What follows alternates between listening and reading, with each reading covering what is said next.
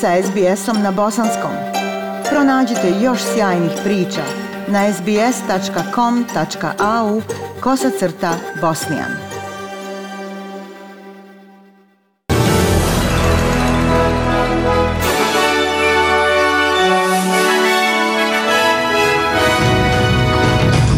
A u današnjim vijestima poslušajte – član avioposade Vision Australia pozitivan na COVID-19. Počinje dvosedmično zatvaranje na širem području grada Sidneja, Bolongonga i Central Costa. Iz sporta, Danska uspjela ući u četvrt finale šampionata Euro 2020. i košarkašice Bosne i Hercegovine izborile kvalifikacije za svjetsko prvenstvo. Slušate vijesti na bosanskom jeziku. Postoji mogućnost da su na stotine putnika koji su letjeli duž istočne obale Australije bili izloženi COVID-19 nakon što je član posade aviona imao pozitivan rezultat testa. Član posade Virgin Australia, inače nastanjen u Sidneju, radio je na nekoliko letova do Sidneja. Kompanija Virgin kaže da je član posade aviona blizak kontakt pozitivnog slučaja u Sidneju, ali da to nije odmah shvatio. Međutim, ta osoba je mogla već biti zaražena u momentu dok je radila na pet letova na rutama između Sidneja, Brisbanea, Melbournea i Gold Costa između 24. i 26. juna. Novi Zeland je obustavio putovanja oslobođena karantina između australskih država i teritorija na tri dana, tačnije do utorka uveče. Šire područje grada Sidneja, Blue Mountains, Central Coast i Wollongong od danas su u prvom danu restriktivne mjere lockdowna u cilju zaustavljanja posljednjeg izbijanja COVID-19. Dvosedmična naredba ostanka kod kuće jučer je produžena nakon što su zdravstveni autoriteti priznali da se previše zaraženih ljudi kreće u zajednici. Novi Južni Vels sada ima 82 aktivna slučaja COVID-19. Premijerka Gladys Berejiklian kaže da ne bi zatvorila ovu saveznu državu da nije apsolutno morala. So there's two things uh, going against us on this one. That is the fact that it's very difficult to geographically Postoje dvije stvari koje su protiv nas. Činjenica da je veoma teško geografski zatvoriti sve kvartove, a da ljudi nastave da rade i žive, a da se ne zaraze ili da prenesu virus na drugo mjesto. A, to, a drugo je to da najbolji savjet koji imamo od zdravstvenih stručnjaka koji sam dobila da je prenosivost ove vrste najmanje dvostruka od priješnjih prijašnjih varijanti koje smo imali i na nesreću ova varijanta postaje glavna varijanta i to su faktori koji su doveli do ovoga. Ministar zdravstva Brent Hazard je pozvao ljude da slijede uputstva. Sada je naglasak na tome da se porazi virus, a mi svi moramo prestati da se krećemo unaokolo ukoliko to apsolutno ne moramo. Ne igrajte se sa sobom i sa zajednicom.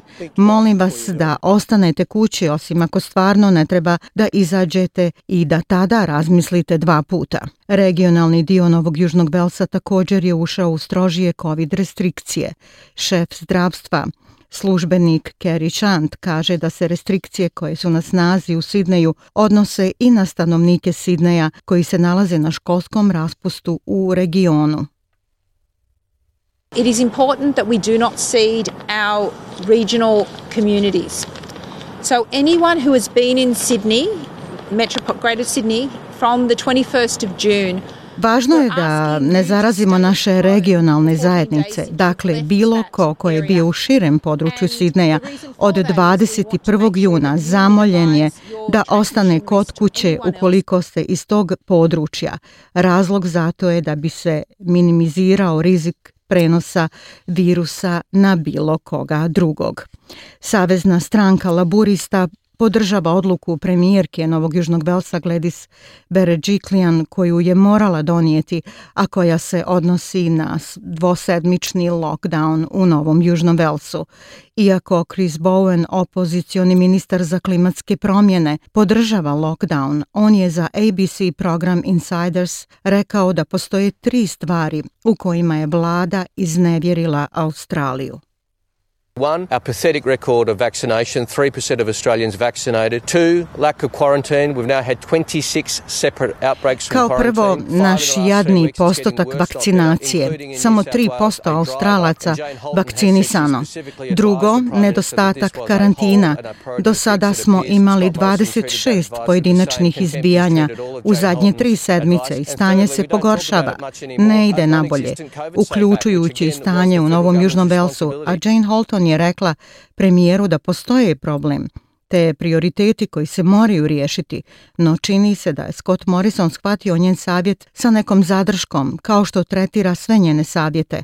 A treće je da uopšte ne govorimo o tome, a to je nepostojeća COVID Safe aplikacija, što je u nadležnosti savezne vlade. I dalje ostajemo u Australiji. Queensland danas izvještava o dva nova slučaja COVID-19, a jedan od njih je u hotelskom karantinu. Slučajevi nisu povezani sa klasterom u Sidneju. Premijerka Anastazija Palašej kaže da su slučajevi zaraženi alfa sojem virusa, pri čemu jedan slučaj uopšte nema simptoma. They were out and about in the community. So we're going to urge people if you have Oni su bili prisutni u zajednici, tako da apelujemo na ljude da se idu testirati ukoliko osjete bilo kakve simptome. To je apsolutno kritični moment. Ako pažljivo pogledate mjesto o kojima će mediji izvijestiti i ako ste bili na nekima od tih mjesta, morate osigurati da poduzmete mjere predostrožnosti. Današnja dva nova slučaja došla su nakon što je rudar u sjevernoj teritoriji imao jučer pozitivan nalaz testa, a zdravstveni dužnostnici su rekli da je moguće da je virus pokupio u hotelskom karantinu. Viktorija danas ne bilježi niti jedan slučaj zaraze koronavirusom. Tri slučaja su zabilježena u hotelskom karantinu u posljednja 24 sata nakon 20.700 testiranih. Ovi podaci su uslijedili nakon što je državni ministar zdravstva Martin Foley rekao ljudima da ne prelaze granicu iz crvene zone Novog Južnog Velsa u Viktoriju, a stanovnicima Viktorije da ne posjećuju područja označena kao crvena zona u Novom Južnom Velsu. Gospodin Foley upozorio je ljude sa žarišnih područja Novog Južnog Belsada će u suprotnom, ukoliko pokušaju prijeći granicu, biti kažnjeni novčanom kaznom u iznosu od 5000 dolara. Treća vakcina Johnson Johnson's vakcina koja se prima samo u jednoj dozi odobrena je za upotrebu i u Australiji. Regulatorna agencija za lijekove u petak je izdala privremeno odobrenje za vakcinu Janssen Silag.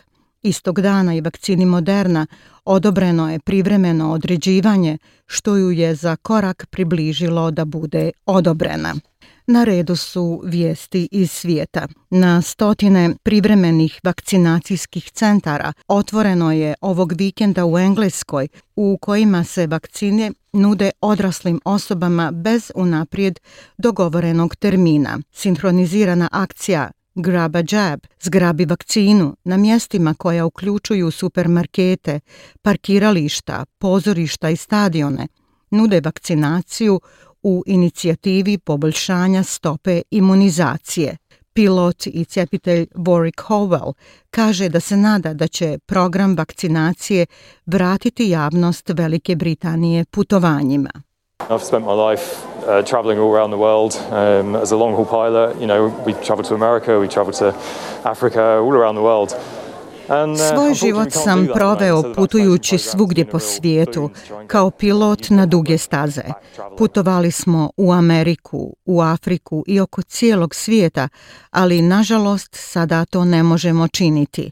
Tako da je program vakcinacije prava blagodat u pokušaju da se javnost Britanije vrati putovanjima. Zvaničnici kažu da veoma duboka vatra ometa napore spašavanja u srušenoj etažnoj zgradi u blizini Majemija, gdje ovlašteni čine sve napore da pronađu više žrtava ispod ruševina. Još uvijek se traga za 159 ljudi otkako se 12 spratnica pod nerazjašnjenim okolnostima srušila u četvrtak dok su mnogi stanari spavali. U rušenju do sada je stradalo smrtno četvoro ljudi. Iz Bosne i Hercegovine jedna lijepa vijest. Dakle, početkom sedmice gradonačelnica Sarajeva Benjamina Karić na poziv gradonačelnika Banja Luke Draška Stanivukovića boravila je u Banjoj Luci.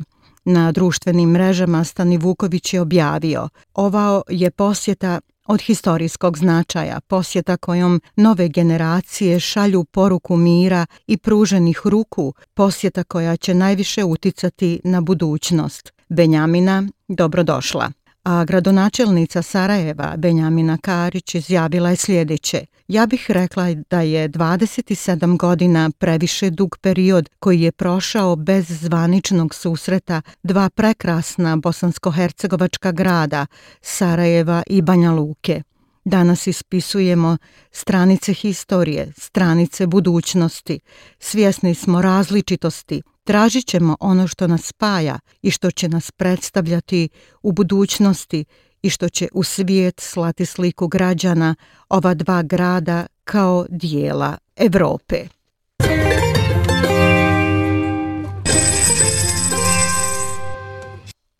Prema kursnoj listi, australski dolar danas vrijedi 0,75 američkog dolara, 0,63 eura, 0,54 britanske funte te 1,24 bosanske konvertibilne marke.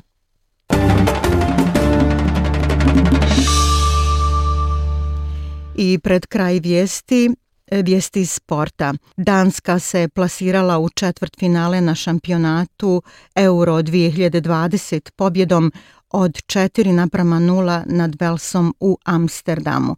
Ovo je drugi meč zaredom u kojem je Danska postigla četiri gola nakon pobjede nad Rusijom od 4 naprama 1 da bi se tako plasirala u 16 najboljih nakon što je izgubila svoja prva dva meča. Danska je prva zemlja koja je postigla četiri i više golova u dva uzastopna meča u historiji ovog evropskog takmičenja. Ovaj navijač Danske, David Vick Pederson, ne može biti srećniji. I think uh, it was a all team um, good experience and uh, it, it was a yeah a team a, a team win. So um, I think all of the guys uh, should be impressed of themselves. Mislim da je odigrao cijeli tim kao iskustvo. Ovo je bila ekipa, timska pobjeda, a ekipa pobjeđuje i svi momci treba da budu, da budu ponosni onim što su učinili. Treba da budu vrlo, vrlo ponosni. Ovo je pobjeda Danske. Danci će sljedeću utakmicu igrati sa pobjednikom meča između Holandije i Češke republike u četvrtfinalu u Baku u subotu. Jedna sportska vijest također e, obradovala je sve građane Bosne i Hercegovine. Naime, košarkašice Bosne i Hercegovine izborile su kvalifikacije za svjetsko prvenstvo. Ženska košarkaška reprezentacija Bosne i Hercegovine pobjedila je Švedsku u posljednjem meču na Eurobasketu rezultatom 82 naprama 63 i tako osigurala nastup u kvalifikacijama za svjetsko prvenstvo 2022. godine.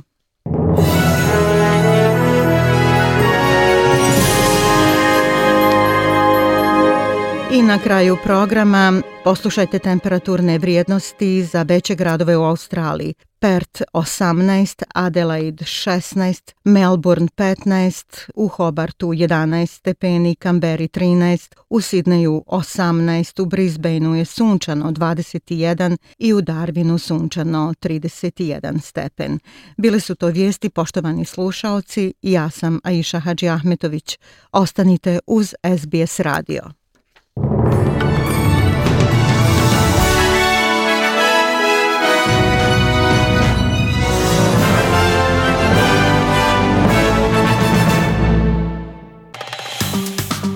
Like, share, comment. Pratite SBS Bosnian na Facebooku.